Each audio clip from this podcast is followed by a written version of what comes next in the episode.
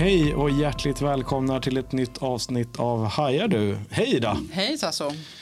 Vilken härlig eftermiddag vi har här med solsken utanför fönstret.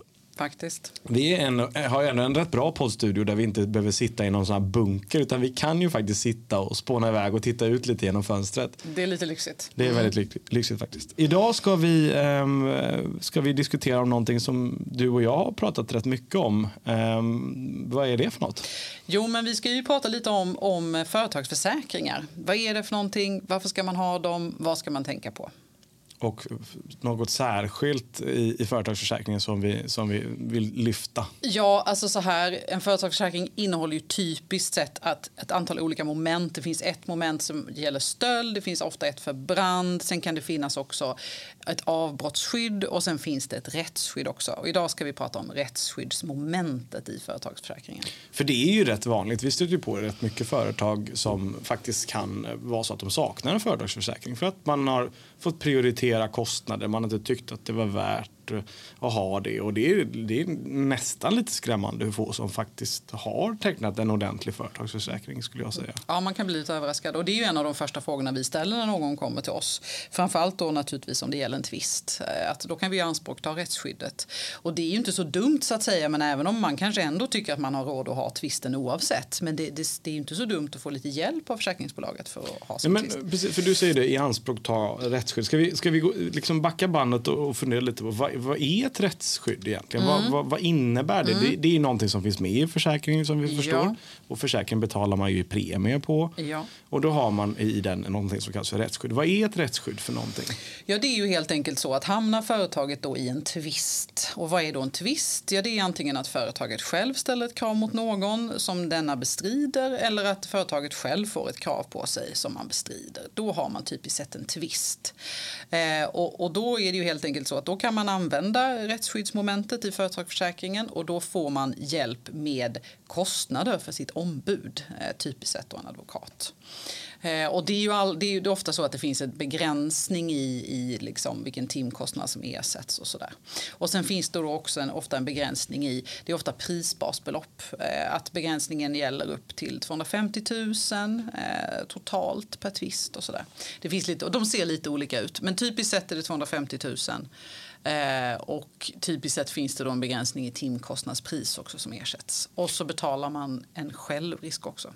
Kan jag använda, du nämnde att man skulle kräva någon på pengar eller någon har krävt mig på pengar eller betalt för någonting eller vi har en tvist, vi bråkar om någonting. Men vi har liksom inte kommit till, till tingsrätten än. Kan man då använda rättsskyddet redan innan dess? Ja, under förutsättning att det har uppstått en tvist. Det där mm. är försäkringsbolagen, det vill de. Och då måste du ju egentligen ha framställt ett krav som någon har bestritt eller du har bestritt ett krav som mm. någon har framställt. Då har man en tvist. Så då kan man redan innan man har stämt eh, i anspråk ta rättsskydd skyddet. Och det skiljer sig lite från försäkringsbolag till försäkringsbolag det där. För jag har stött på att de oftast kräver att man har ett målnummer hos tingsrätten.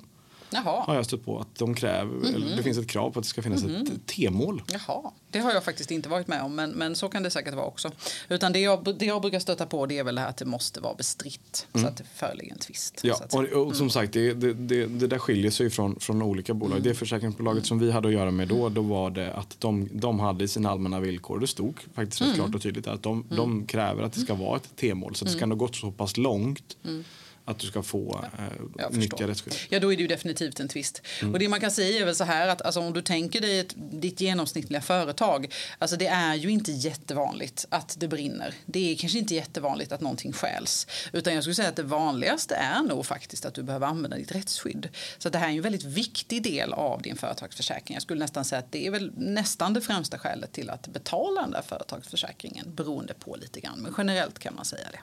Men låt säga det, jag har en företagsförsäkring. Jag har en som person som, eller ett företag som bråkar med mig.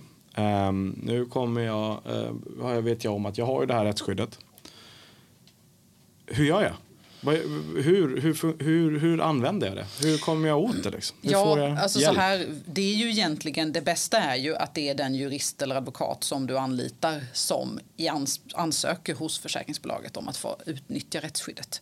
Det är det bästa. Då får de skriva till försäkringsbolaget. De måste naturligtvis ha full makt att företräda dig och förklara att ja, vi företräder det här företaget och nu finns den här tvisten att beskriva och vi vill i anspråk ta rättsskyddet. Och då sköter advokatfirman det hela vägen sen och redovisar till försäkringsbolaget och begär utbetalning och så vidare. Och så vidare.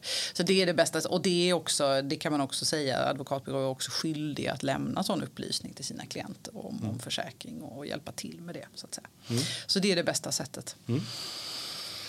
Och då skickar man in en, eh, de här handlingarna till, till försäkringsbolaget Mm. och sen eh, är det klart. Då, får då kan jag bara luta mig tillbaka och sen är det tuta och köra, eller hur? Ja, det är väl det där som är lite kruxet. För att de här företagsförsäkringarna det är ju ingenting nytt och rättsskyddsmomentet är ingenting nytt det heller. Men de har förändrats lite de senaste tio åren vågar jag påstå. För att jag nämnde ju det att det finns ofta en begränsning på hur mycket som ersätts. Alltså hur mycket ombudskostnader som ersätts. Och det är ofta 250 000. De allra flesta företagsförsäkringar så är det 250 000. Och det här beror ju naturligtvis på vad det är för tvist. Va? Men jag skulle vilja säga att en tvist som ändå är tillräckligt intressant för att faktiskt driva den kostar nog nästan mer än 250 000 skulle jag säga i ombudskostnader. Så det är lite för lite. Eh, och då är det ju så att man kan ju prata med sitt försäkringsbolag om att öka det där beloppet. Då får man naturligtvis en lite högre premie men det är ju en väldigt bra försäkring att ha.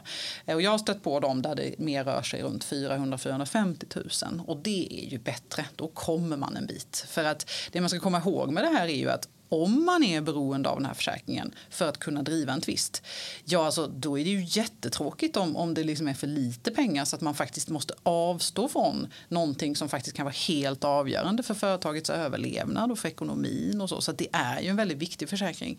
Så det är ju ett tips jag har till alla mina klienter som jag träffar på egentligen. Det är ju att öka det där utrymmet. Det är en billig försäkring som man kan ha väldigt mycket nytta av. Men okej, okay, och det, det, är ju klokt. Och det jag, det jag sitter och funderar på är, det är ju lite, det låter ju, det är ju rätt likt det här med att ha en, en bilförsäkring. Man betalar en, en fast summa ja. varje månad eller ja. kvartalsvis eller ja. halvårsvis. Och sen så, så, så krockar man mm. eller man får inbrott och något. Och då får man ju betala självrisk. Finns det självrisk på det här? Ja. Mm. Det brukar vara någonstans 20 procent mm. som man betalar. Mm. Alltså av ombudskostnaderna betalar man i självrisk. Mm. Så att säga. Så och, då, det så, och det täcks liksom inte då av rättsskyddet utan det Precis, går utöver rättsskyddet? det går också utöver rättsskyddet. Så då egentligen är det självrisk plus 250 000 eller är det självrisk ink 250 000? Det är självrisk ink 250 000 vågar jag minnas att det är de jag har sett ser ut så i vart fall. Men det kan nog också vara lite olika. Ibland är det där också ett prisbasbelopp istället. Alltså att istället för självrisk så är det ett prisbasbelopp eller ett halvpris. Det kan se lite olika ut det där. Så det är ju en ganska bra sak att se över. Hur ser mm. det här ut liksom?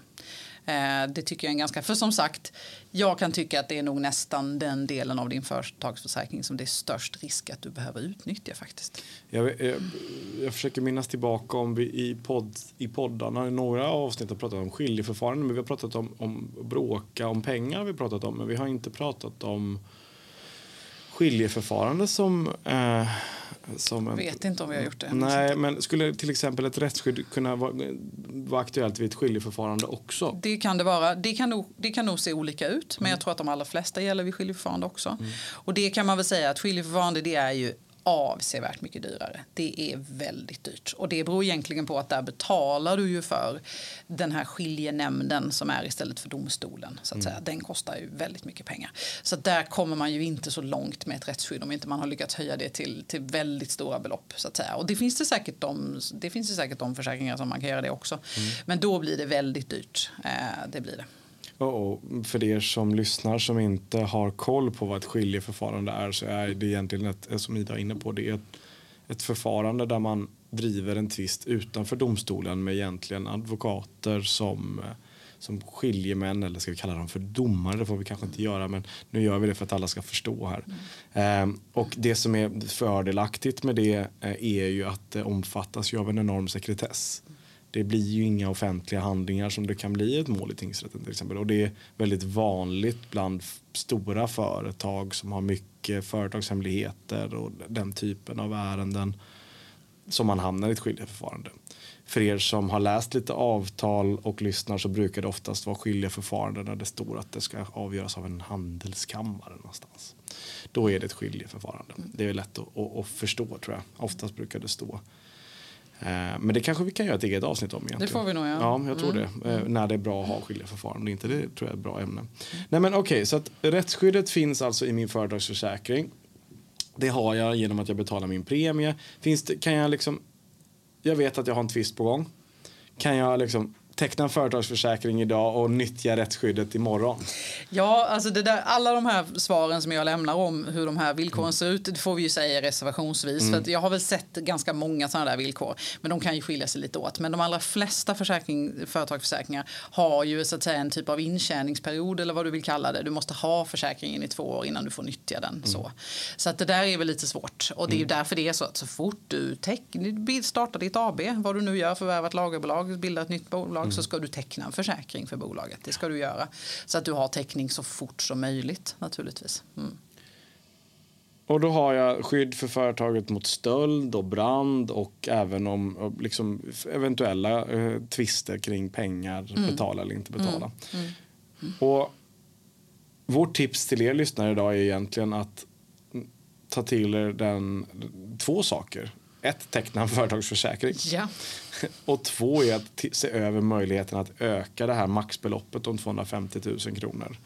Um, ja, vi, som vi sa, som Ida nämnde här så är det ju reservationsvis för det kanske inte är alla försäkringsbolag som går med på det men man bör nog i alla fall höra med försäkringsbolaget om det går att höja den. Mm. Uh, och det brukar generera uh, en högre premie. Och tro det eller ej, men vi är faktiskt inte sponsrade av något försäkringsbolag här idag. Nej, utan... nej precis. Jag tänkte säga det. Alla försäkringsbolag nu som kommer få in en massa bolag som tecknar företagsförsäkring efter att ha lyssnat på den här podden. Ni, eh, vi vill inte ha någon kickback, nej. för vi får inte ta nej. någon kickback. Nej. Utan det här gör vi mer för att eh, skydda våra klienter ja. och de som potentiella klienter och även ni andra som lyssnar på det här att ha ett skydd. Det är alltid bra att ha det eh, ja, med sig. Det är det. Man kan sova bättre om natten. Ja, och man vet då med sig att kommer det en tvist som man faktiskt måste ta någon gång, då har man råd att ta den. Och det, det tycker jag är ett skydd man måste ha faktiskt. Faktiskt. Mm. Bra! Ja. Nej men det var väl, det, det, nu hajar vi. Nu hajar vi nya ha, grejer. Hajar ja. vi nya grejer. Nu hajar vi rättsskydd. Snyggt. Eh, tack till er som lyssnade och eh, på återhörande som man säger. Hej hej.